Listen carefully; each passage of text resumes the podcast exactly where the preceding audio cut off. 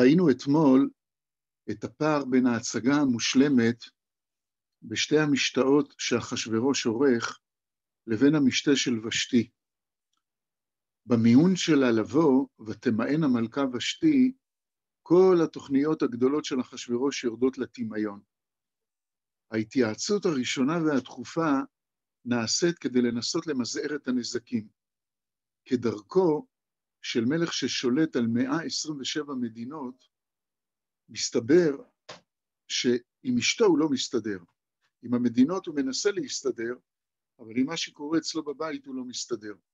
הוא מבקש לקיים התייעצות חירום, וזה מה שמופיע בפסוק י"ג. ויאמר המלך לחכמים יודעי העיתים, כי כן דבר המלך לפני כל יודעי דת ודין. אומר רש"י, זה המנהג.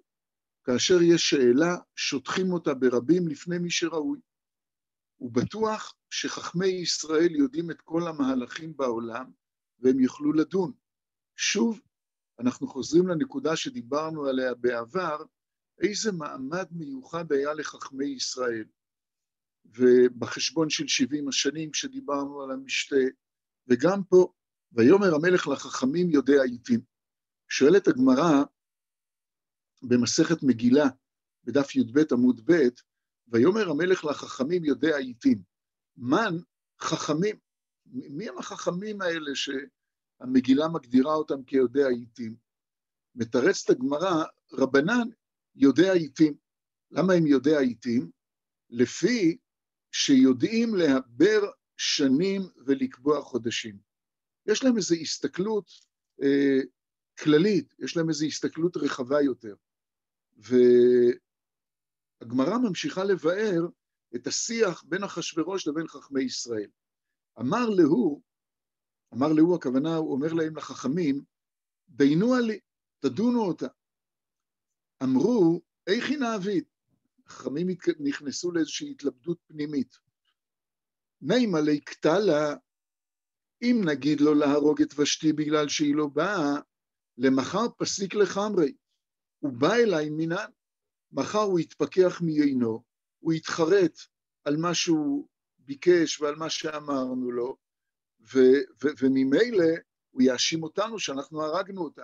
ממשיכה הגמרא ואומרת, נימה לי שבקה, נגיד, אתה יודע מה, תשאיר אותה, אל תעניש אותה, לא נורא, אפשר להמשיך הלאה. אז מה יכול לקרות? לא נוכל לעשות את זה, כי מה הוא יחשוב? כמזל זה במלכותה. הוא יחשוב שאנחנו מזלזלים במלכות, והמלכה כל כך העליבה אותו, ואנחנו עוברים את זה לסדר היום. אז הקדוש ברוך הוא נתן אה, דעת מיוחדת ב, בליבם של חכמים, אמרו לו, מיום שחרב בית המקדש וגלינו מארצנו, נתלה עצה ממנו, ואין אנו יודעים אה, לדון דיני נפשות. אה, וממילא תעשה דבר פשוט, זי לגבי עמון ומואב דיית ובדוכתיו, עמון ומואב יושבים, יושבים על מקומם, וכחמר דייתיב על דורדאי, כמו יין שיושב טוב על השמרים, הם מסתום ידעו לדון. זאת אומרת, איזו שיטת התחמקות אה, מיוחדת במינה, ומי שיעיין שם בהמשך הגמרא, אז יש שם שבח גדול לחכמים על התשובה, התשובה המחוכמת הזאת. אה, המלך אה, רצה, כפי שראינו, לקבוע את דרכי פעולתו על פי יודעי דת ודין, ו... והגר"א מאיר, מכיוון, אה, כי כן דבר המלך, מכיוון שזה דבר שנוגע למלך, אז הוא לא רצה לדון בעצמו. בקיצור, יודעי דת ודין, יודעי העיתים, הם לא מצליחים לתת לו תשובה. אז המלך פונה למעגל נוסף של אנשים שאולי יכולים לעזור לו. והקרוב אליו, אני בפסוק י"ד, קרשנה שיתר אדמת התרשיש, מרס מרסנה ממוכן, שבעת שרי פרס ומדי, רואי פני המלך, היושבים ראשונה במלכות. כשהוא לא מקבל תשובה מהחכמים, הוא פונה למעגל הקרוב אליו, הם סמוכים אליו. דרך אגב, המושג הזה של רואה פני המלך, אנחנו מוצאים אותו גם ביהודה, סמוך לחורבן, במלכים ב' בפרק כ"ה, כשמדברים על האנשים הראשונים שהגלו אותם לבבל, אז מדובר שם על אנשים שהם מרואי פני המלך, ממש אותו, אותו מושג. ו- ומסבירים המפרשים, רואה פני המלך, הכוונה היא שהם יושבים הכי קרוב אליו, והרלב"ג מסביר שהם לא סתם זכו בזכות הזאת לשבת לפני המלך, אלא חוכמה יתרה שהייתה בהם, הקנתה להם את, ה, את המעגל הזה, הקנתה להם את המעמד הזה. הם, אה, הם, הם אלה ש... וגם בעם ישראל כשמגלים, אז אותם מגלים בפומבי, כי הם ידועים שהם קרובים למלכות. אה, מסביר המלבים, והקרוב אליו, אחר שהקדים שמשפט זה אינו משפט מלך, רק משפט שבין איש לאשתו, כי אנחנו רואים שהחכמים יודע עיתים, כפי שראינו, לא ידעו מה לומר. הלך לפני שבעת השרים האלה מצד ארבעה טעמים. האחד והקרוב אליו. הם יושבים קרובים אליו, פיזית הם יושבים קרובים אליו, ולא מצא שיתפרסם המשפט הזה. רק אחר שהם כבר שמעו את כל אשר רצה, הם ישפטו בדבר ונשאר סוד ביניהם. המלך שומר את זה בחוג האינטימי שלו, וזה לא הולך עכשיו להתפרסם לכולם. זו הסיבה הראשונה. הסיבה השנייה, בחר בהם מצד שהם שבעת שרי פרס ומדי, וראוי שישפטו משפט זה מפני מעלתם. הם, אה, הם לא רק קרובים אל המלך, הם גם אה, אה, הם נושאים בתפקיד ציבורי, וממילא זה, זה ראוי ואפשרי.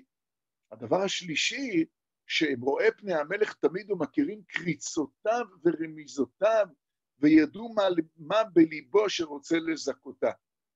הוא, יש לו כבר איזו מגמה שמסתמנת, ו, והוא אומר, הם מכירים אותי, והם יבצעו, הם ינווטו את הדברים בצורה כזאת, שמה שאני רוצה באמת יקרה.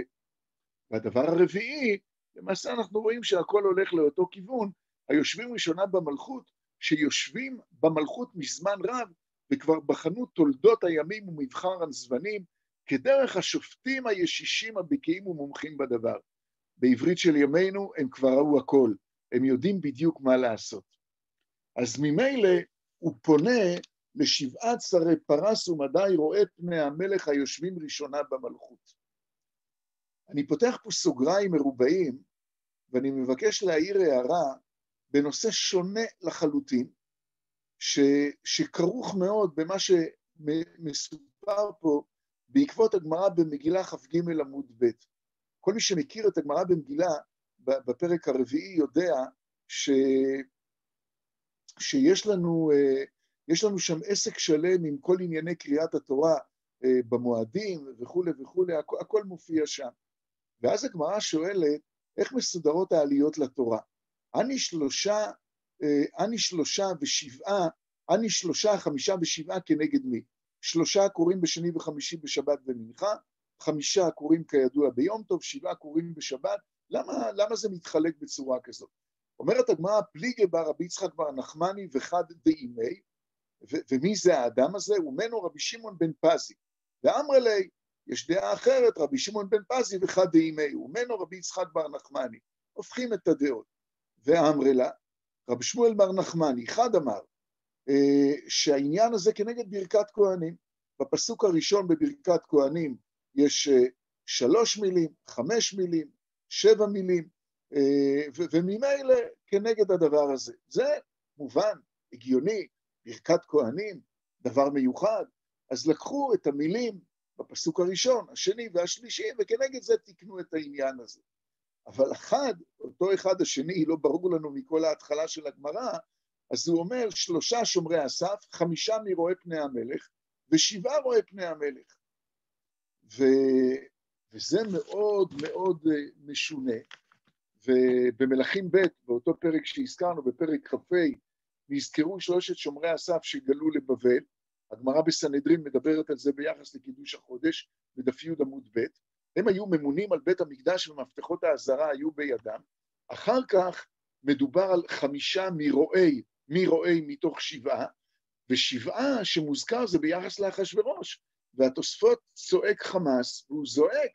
איך רש"י מסביר שזה כנגד הפסוק שלנו בגמרא במגילה?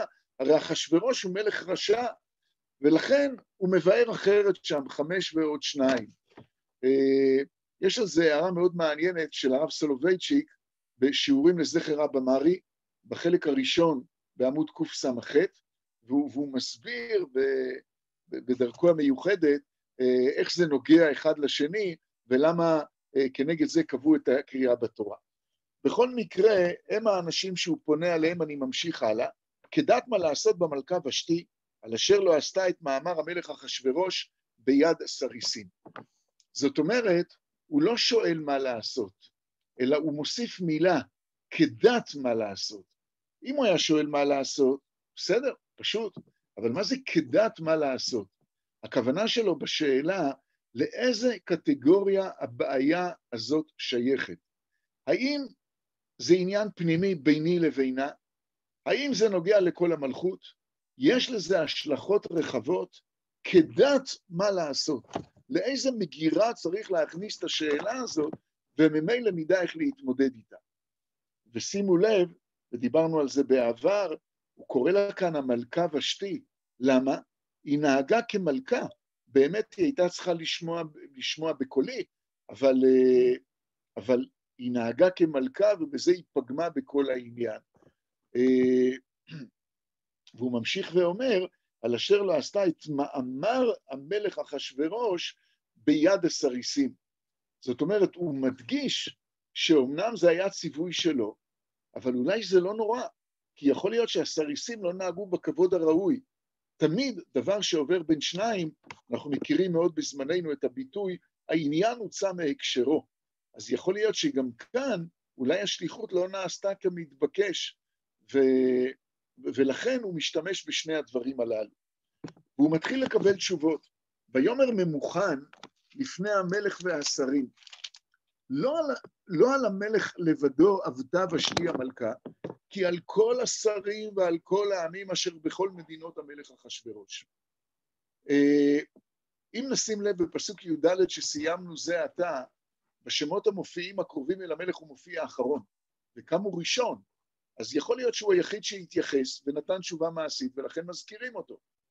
הירושלמי בסנהדרין בפרק ד' הלכה ז' אומר שהאמת שכולם אמרו את דעתם, ממוכן דיבר אחרון, אבל מכיוון שהוא נתן פתרון שמצא חן בעיני כולם, ביטלו את דעתם, וממילא הוא היחיד ש, שנזכר פה אה, בתוך כל העניין. כפי שראינו בעניין המשתה, הזכרנו את זה כבר, יש דמויות שהסגולה שלהם להפוך כל בעיה מקומית לסוגיה עולמית. כך המן, כשהוא החליט להמליץ לאחשוורוש להזמין את היהודים למשתה, וכך ממוכן בעצה שלו, לא על המלך לבדו עבדה ושתי המלכה. זה לא פה בעיה בזוגיות בין המלך והמלכה. על כל השרים, על כל העמים, בכל מדינות המלך אחשורוש, הפכה להיות פה בעיה, בעיה עולמית. מי זה הממוכן הזה? אומרת הגמרא במגילה בדף י"ב עמוד ב', ויאמר ממוכן, תנא ממוכן זה המן. ולמה נקרא שמו ממוכן? לפי שמוכן לפורענות. אומר רש"י שהוא עתיד להתעלות. מאירה הגמרא הערה נוספת, אמר רב כהנא, מכאן, מהפסוק הזה, יש ללמוד שהדיוט קופץ בראש. הוא האחרון ברשימה ודיבר ראשון. ניתן, כמובן להסביר כמו שהבאנו בשם הירושלמי. ובכל זאת אומר הגר"א בביאורו, שהמילים לפני המלך והשרים, משמע שאכן הוא קפץ בראש. הוא מסביר, לא מדובר כאן בבעיה מקומית כתוצאה מהסירוב של ושתי. שוב, שימו לב, שהוא מקדים לא על המלך לבדו, עבדה ושתי המלכה. קודם כל את השם שלה, לזלזל בה. זו בעיה עולמית, היא חוצה מגזרים, חוצה מדינות, וצריך להגיב בצורה משמעותית מאוד. יש לה משהו נגד ושתי? למה הוא כל כך נחרץ? אנחנו פוגשים אדם, ונראה את זאת בהמשך, שהוא מעצים כל בעיה וכל עניין לממדים גדולים. כך עם מרדכי, כך עם היהודים, ומסתבר שגם עם ושתי. מה יש לו נגדה? למה זאת ההמלצה הכל כך גורפת שלו? בעזרת השם, את זה נראה מחר בערב. תודה ולהתראות.